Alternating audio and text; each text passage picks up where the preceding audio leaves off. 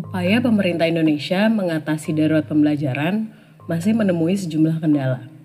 Mulai dari perekrutan guru yang belum berorientasi kepada kompetensi mengajar, kinerja guru yang rendah, hingga ketimpangan hasil pembelajaran. Program RISE di Indonesia melakukan kegiatan penelitian untuk mendukung peningkatan pembelajaran siswa di Indonesia. Program RISE juga bekerja sama dengan pemerintah pusat dan pemerintah daerah dalam mengkaji reformasi guru di tingkat nasional dan inovasi kebijakan pendidikan di daerah. Pada edisi yang bertema Reform and Reform kali ini, podcast Papan Tulis berkolaborasi dengan program RISE untuk mendiskusikan hal-hal yang harus direformasi dalam sistem pendidikan di Indonesia demi meningkatkan pembelajaran siswa.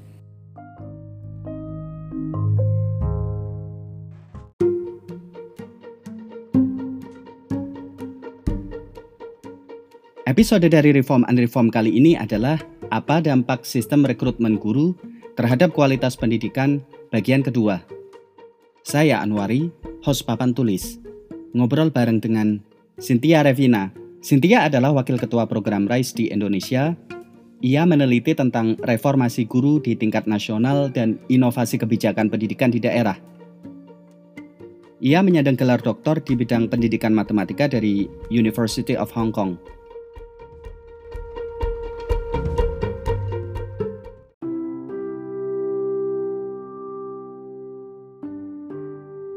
Memang kalau berbicara sistem sering kita kaitkan dengan policy atau kebijakan pemerintah eh, sebagai salah satu upaya membentuk ekosistem yang lebih baik. Namun upaya lain bisa muncul dari masyarakat berupa social enforcement um, lewat kepedulian dan rasa memiliki seperti yang sering kita dengar akhir-akhir ini dengan upaya gotong royong untuk guru honorer. Itu pun muncul karena adanya keterbukaan informasi. Policy dan tindakan pemerintah yang baik pun sebenarnya juga bisa dimulai dengan keterbukaan informasi juga. Lalu seperti apa peran keterbukaan untuk membangun praktek di dalam sistem tadi yang tujuannya untuk mentreat guru sebagai pekerjaan profesional?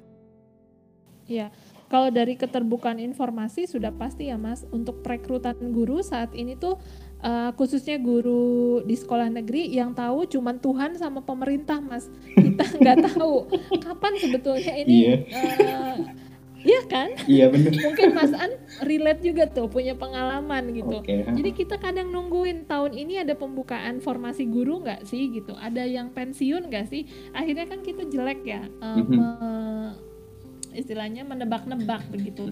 Tidak ada kepastian informasi, keterbukaan informasi bahwa uh, sekian guru yang akan dibuka setiap tahunnya, sekolah ini itu uh, sedang uh, membuka lowongan guru dan seterusnya. Jadi semuanya serba ketidak memang ketidakpastian ini di mana-mana gitu. Sementara di sekolah swasta biasanya kalau tahun ajaran baru itu dimulai di bulan Juni atau Juli gitu, itu uh, vakansi itu sudah mulai diumumkan posting. dari bulan di posting tuh dari Januari misalnya mm -hmm. gitu.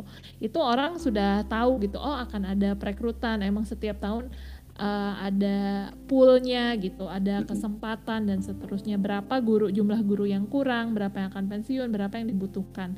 Jadi memang saat ini pembukaan uh, formasi untuk guru itu bukan berdasarkan kebutuhan sekolah, Mas gitu. Okay. Tapi berdasarkan budget negara itu uh, berapa nih punya budget berapa tahun ini, berapa guru yang sanggup kita gaji tahun ini, bukan berdasarkan sekolah itu butuh berapa guru.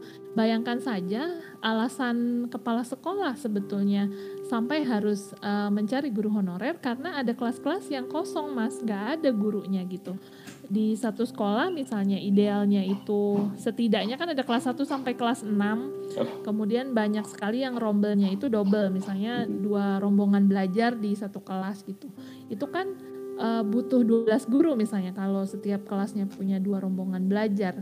Nah sayangnya jumlah PNS-nya nggak nggak sama dengan jumlah guru yang uh, yang dibutuhkan oleh sekolah sehingga kan namanya kepala sekolah dia yang uh, mensupervise sehari-hari, oversee sehari-hari kegiatan di sekolah, dia tidak mungkin membiarkan kelas itu kosong gitu. Jadi memang di sini lagi-lagi uh, perlu upaya yang lebih ke sistemik untuk mensinkronkan tadi keterbukaan informasi antara kebutuhan guru dengan misalnya jumlah lulusan guru dan seterusnya um, menciptakan sistem yang memang um, untuk pemerataan dan sumber daya juga ya, ya. Betul, dan sistemnya ini semua orang paham gitu, bukan hmm. cuma pemerintah yang paham sistemnya, tapi masyarakat juga uh, jadi punya akses kepada informasi tentang uh, manajemen guru ini gitu. Sebelumnya Mbak Cynthia menyebut tentang ketidakpastian yang sering dihadapi oleh calon guru tentang prospek profesi guru dan juga oleh guru terkait kesejahteraan. Um, muncullah penerimaan guru PNS atau ASN dengan gaji tetap, fasilitas pendukung, dan seterusnya. Tes ASN pun bagi calon guru dan guru terlihat seperti menjadi satu-satunya pintu untuk menjawab ketidakpastian. Karena menjadi guru di swasta juga tidak lepas dengan ketidakpastian tadi, terutama di sekolah swasta yang belum kuat secara operasional funding dan sebagainya. Maka seperti apa dampak rekrutmen guru lewat jalur ASN terhadap input guru dan pengajaran di sekolah? Iya, jadi um, dampaknya itu seperti ini Mas An. Uh, pertama, mungkin uh, bagi pendengar podcast yang pernah ikut um, rekrutmen uh, ASN gitu ya, mungkin tahu kalau uh, tesnya itu adalah tes uh, PNS umum. Okay. Uh, jadi shortlistednya itu berdasarkan tes PNS umum ini tidak ada hubungannya dengan apakah seseorang punya uh, pengetahuan atau keterampilan dalam mengajar. Oke, memang ada shortlisted dari administrasi sifatnya uh, untuk ijazah dan seterusnya sesuai dengan uh, bidang yang akan diajarkan begitu.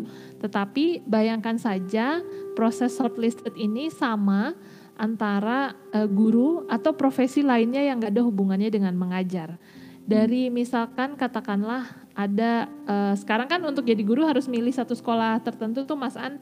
Jadi okay, yeah. katakanlah di SDN satu Grobokan gitu ya di tempatnya Mas An gitu. Itu gurunya langsung milih sekolah itu. Jadi katakanlah di satu sekolah itu ada 20 orang nih Mas An yang melamar ke sekolah itu untuk satu formasi guru kelas, guru okay. SD.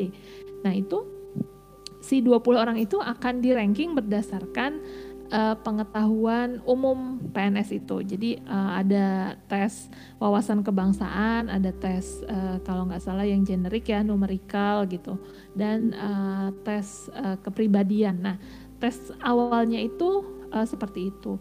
Kemudian uh, setelah itu baru tes pengetahuan uh, tertulis jadi tiga orang dengan angka uh, akumulasi skor tertinggi itu nanti ikut tes uh, berikutnya gitu. Nah ini kan sebetulnya sangat berbeda prakteknya dengan di sekolah swasta yang bagus nih. Saya hmm. uh, punya pengalaman gitu. Nah kalau di sekolah swasta yang bagus, biasanya proses awal itu wawancara duluan, mas. Jadi wawancara, okay. bagaimana sih uh, mengajar filosofi anda tentang mengajar atau pandangan anda tentang mengajar, memperlakukan anak-anak itu seperti apa. Kalau di situ sudah punya impresi, baru ke uh, proses uh, ini biasanya uh, micro teaching oh, iya, begitu. Benar, nah nanti malah tes tertulis itu kadang-kadang ditaruhnya di akhir.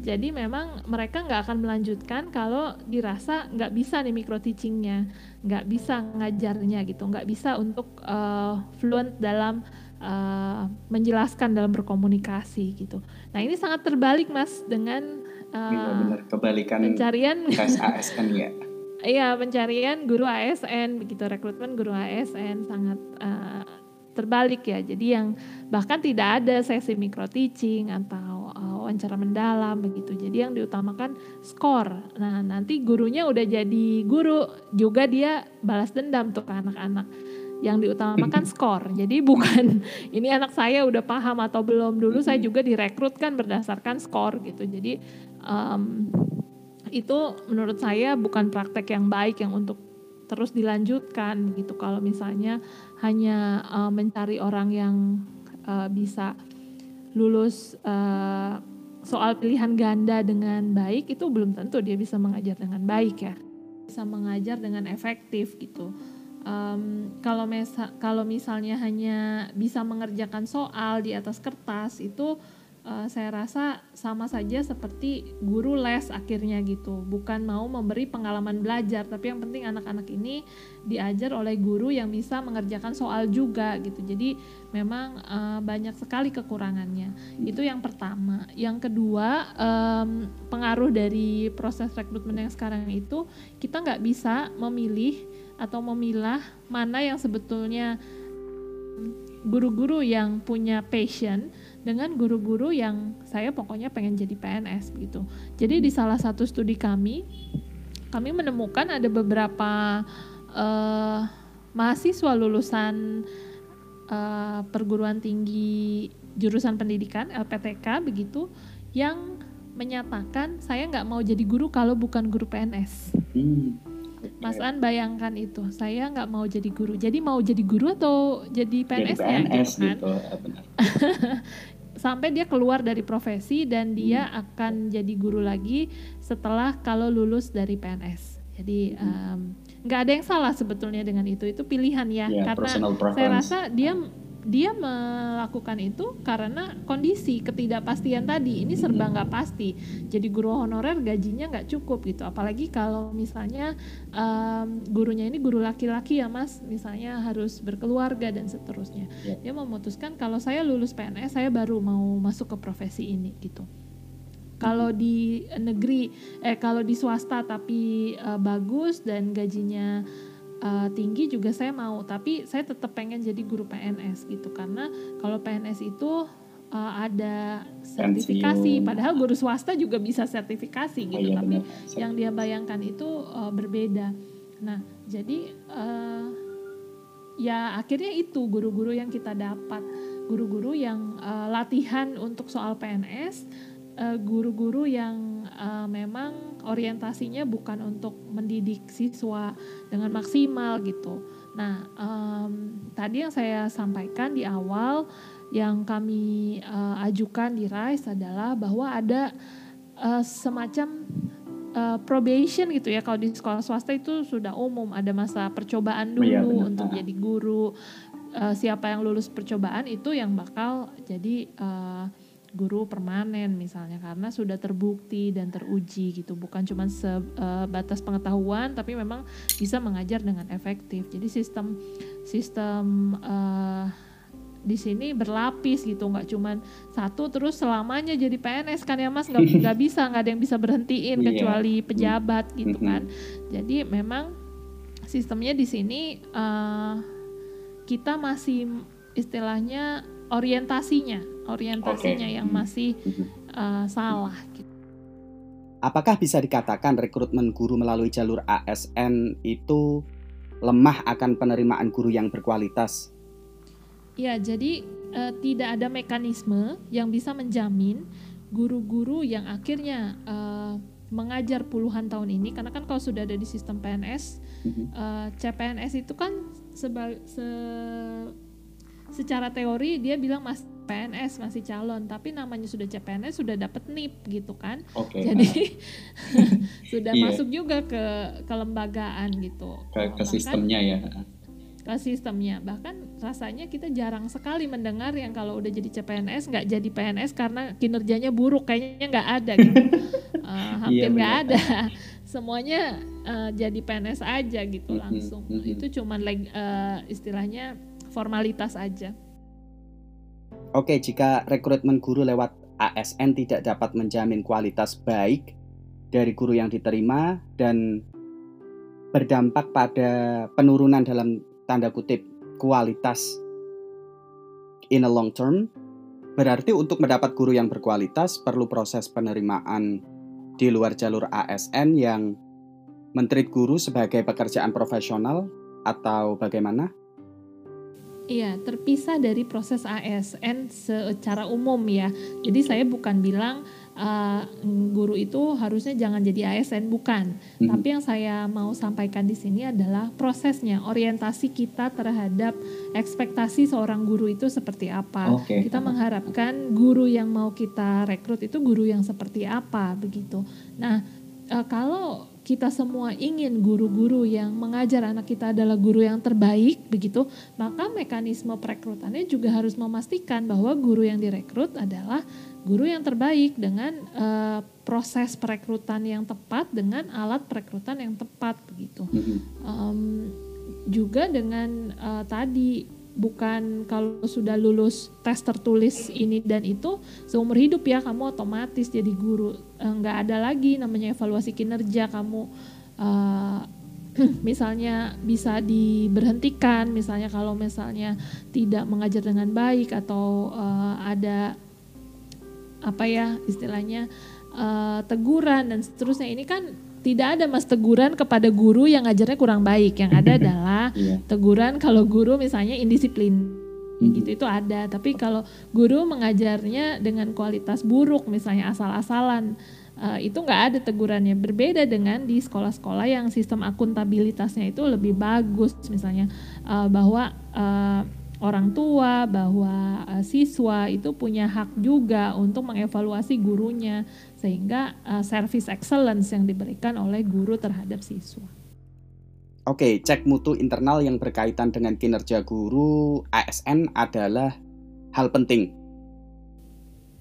Iya, jadi uh, pertama saat di rekrutmen uh, mekanismenya harus jelas, memastikan yang uh, direkrut dan yang digaji oleh uh, katakanlah ini kan budgetnya pemerintah begitu, hmm, yang benar. long term uh, itu adalah hanya guru-guru yang dengan kualitasnya baik gitu. Jangan memberikan tenor kepada uh, guru yang kualitasnya tadi belum belum kita tahu sebenarnya bisa ngajar efektif atau enggak. Itu udah langsung masuk ke sistem dan um, diberikan uh, pekerjaan yang seumur hidup gitu yang nggak yeah. ada siapa pun nggak ada yang bisa ganggu gugat gitu kan nah itu satu di perekrutan kedua saat sudah di sistem harusnya ada satu uh, mekanisme juga yang di mana uh, pemberian uh, tunjangan begitu ya itu berdasarkan uh, performa. Jadi pemberian tunjangan ini harus berdasarkan performa. Kalau Mas An pernah dengar tentang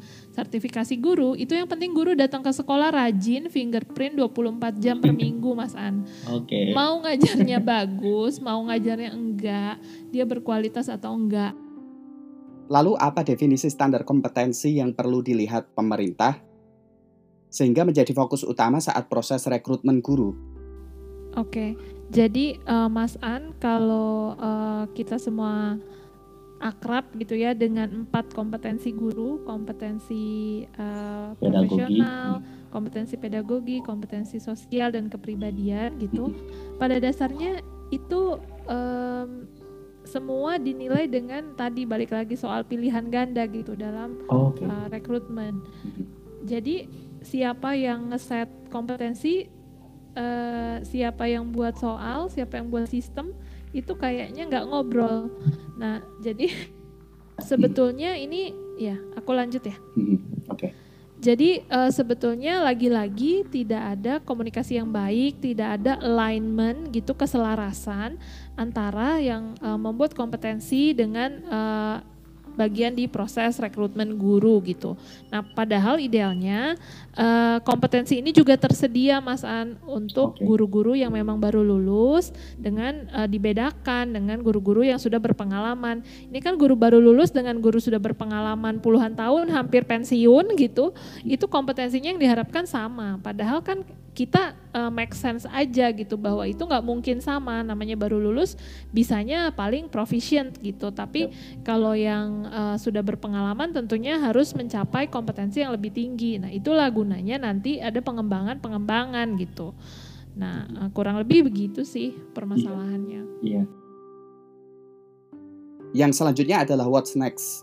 Apa implikasi hasil temuan studi Mbak Cynthia dan teman-teman di RISE terkait kinerja guru dan proses rekrutmen guru terhadap praktek-praktek yang ada, terutama di sistem yang kita obrolkan tadi di masa selanjutnya. Uh, ya, implikasinya kata kunci pertama itu harus ada delegasi yang kuat. Jadi uh, delegasi di sini maksudnya adalah um, yang diharapkan dari guru itu bukan cuma nurut atau mengikuti uh, manut mengikuti peraturan pemerintah, okay. bukan cuman uh, hanya pokoknya biar saya selamat, biar saya dapat tunjangan, biar saya uh, nggak dapat uh, teguran misalnya gitu. Di sini uh, delegasi yang kuat harusnya kita berkomitmen sama-sama tujuan pendidikan ini buat uh, membuat anak-anak kita itu memiliki kualitas uh, sebagai individu yang berkualitas gitu.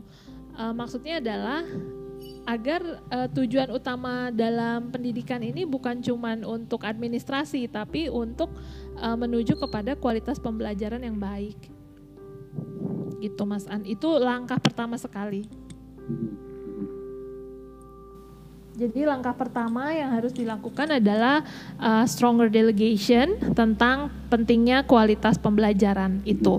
Kemudian dari situ diturunkan menjadi standar-standar kompetensi misalnya uh, yang diharapkan dari guru itu bukan cuma ngikutin kurikulum step by step, tetapi harus juga bisa tadi mengorkestrasi uh, kurikulum bagaimana bisa diterima dengan baik oleh siswa-siswa uh, kita gitu. Dan uh, pastinya ada sistem akuntabilitas yang lebih uh, bisa menjadi mekanisme uh, dalam memperbaiki atau dalam mengawasi uh, jalannya proses uh, semua proses ya proses dari rekrutmen dari di sekolah juga. Jadi ini sistemnya yang tadi keterbukaan informasi uh, ada juga um, pengawasan begitu ada juga uh, tanggung jawab dari semua pihak. Oke. Terima kasih Mbak Cynthia. Bisa cek di mana untuk hasil studinya? Uh, bisa di websitenya RISE di rise.smeru.or.id. Di situ uh, semua publikasi kita uh, sediakan bisa diunduh oleh teman-teman semua. Ada juga di Instagram kami, itu Instagramnya uh, RISE uh, program.